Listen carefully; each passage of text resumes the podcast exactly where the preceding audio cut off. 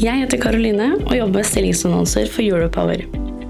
Europower har mer enn 7000 abonnenter, og podkasten du nå lytter til, har mer enn 300 ukentlige lyttere. Hvis du er på jakt etter ny jobb, se stilling.europower.no. Ta også gjerne kontakt med meg dersom du ønsker å annonsere ledige IT-stillinger i fornybar energibransje.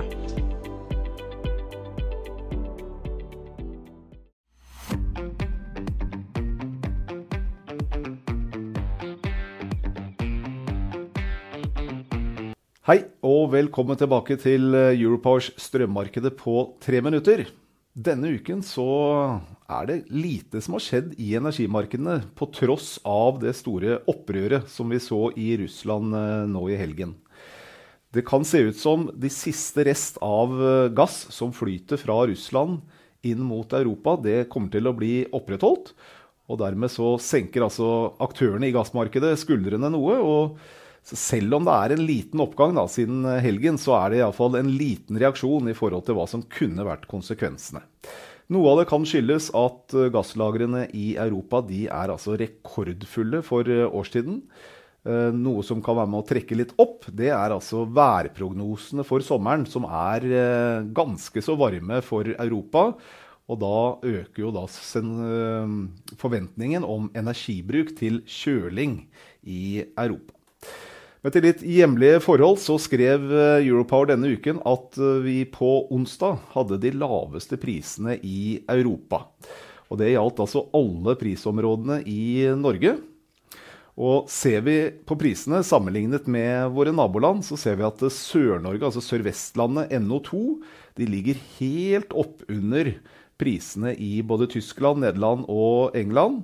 Og kunne egentlig lett ha løftet prisen enda litt til hvis de hadde vært interessert i en litt mer balansert utveksling med, med utlandet. Men nå går det altså full eksport hver eneste time ut fra alle prisområdene på onsdag.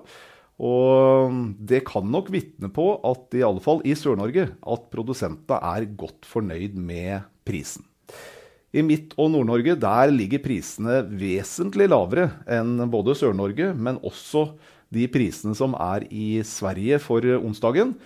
Og det kan nok vitne om at det er en intern konkurranse mellom produsentene i både Midt- og Nord-Norge om å få produsert uh, strømmen. Så da er de med å selv presse ned prisene der. Ser vi på prisdifferanser, da, så ser det ut som eh, over tiden nå så har det altså etablert seg et splitt også i Sør-Norge, hvor altså det sørligste prisområdet ligger altså ganske mye høyere enn både prisen på Østlandet og i Bergensregionen. Der er det nok noen flaskehalser som gjør at flyten ikke er 100% og derfor så blir det altså en prisforskjell. Samtidig som selvfølgelig da NO2, det sørligste prisområdet, er knyttet opp mot de dyre områdene både i England, Tyskland, Nederland og Danmark. Midt- og Nord-Norge de holder seg ganske stabile over tid.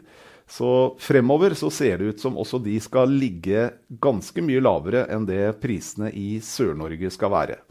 Men felles for alle prisområder så ser det ut som prisen skal opp i fremtiden i forhold til de prisene vi har i dag. Det er i alle fall hvis vi skal tro på prisene i terminmarkedet. Og der er det altså ganske så dårlig likviditet om dagen. Sånn at uh, man skal ikke helt ta de prisene for uh, god fisk. Og det kan godt hende at det er et såkalt selgers marked som holder prisene altså, altså kunstig høyt oppe. Men for å holde deg oppdatert, så må du følge med på Europower hver eneste dag. Og dette var siste treminutters eh, før sommeren, og faktisk også min siste tre minutter. Så takk for følget.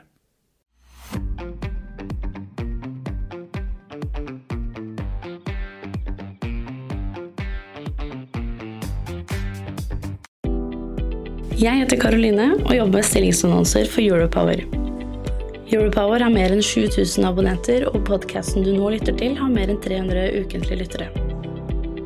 Hvis du er på jakt etter ny jobb, se stilling.europower.no. Ta også gjerne kontakt med meg dersom du ønsker å annonsere ledige IT-stillinger i fornybar energibransje.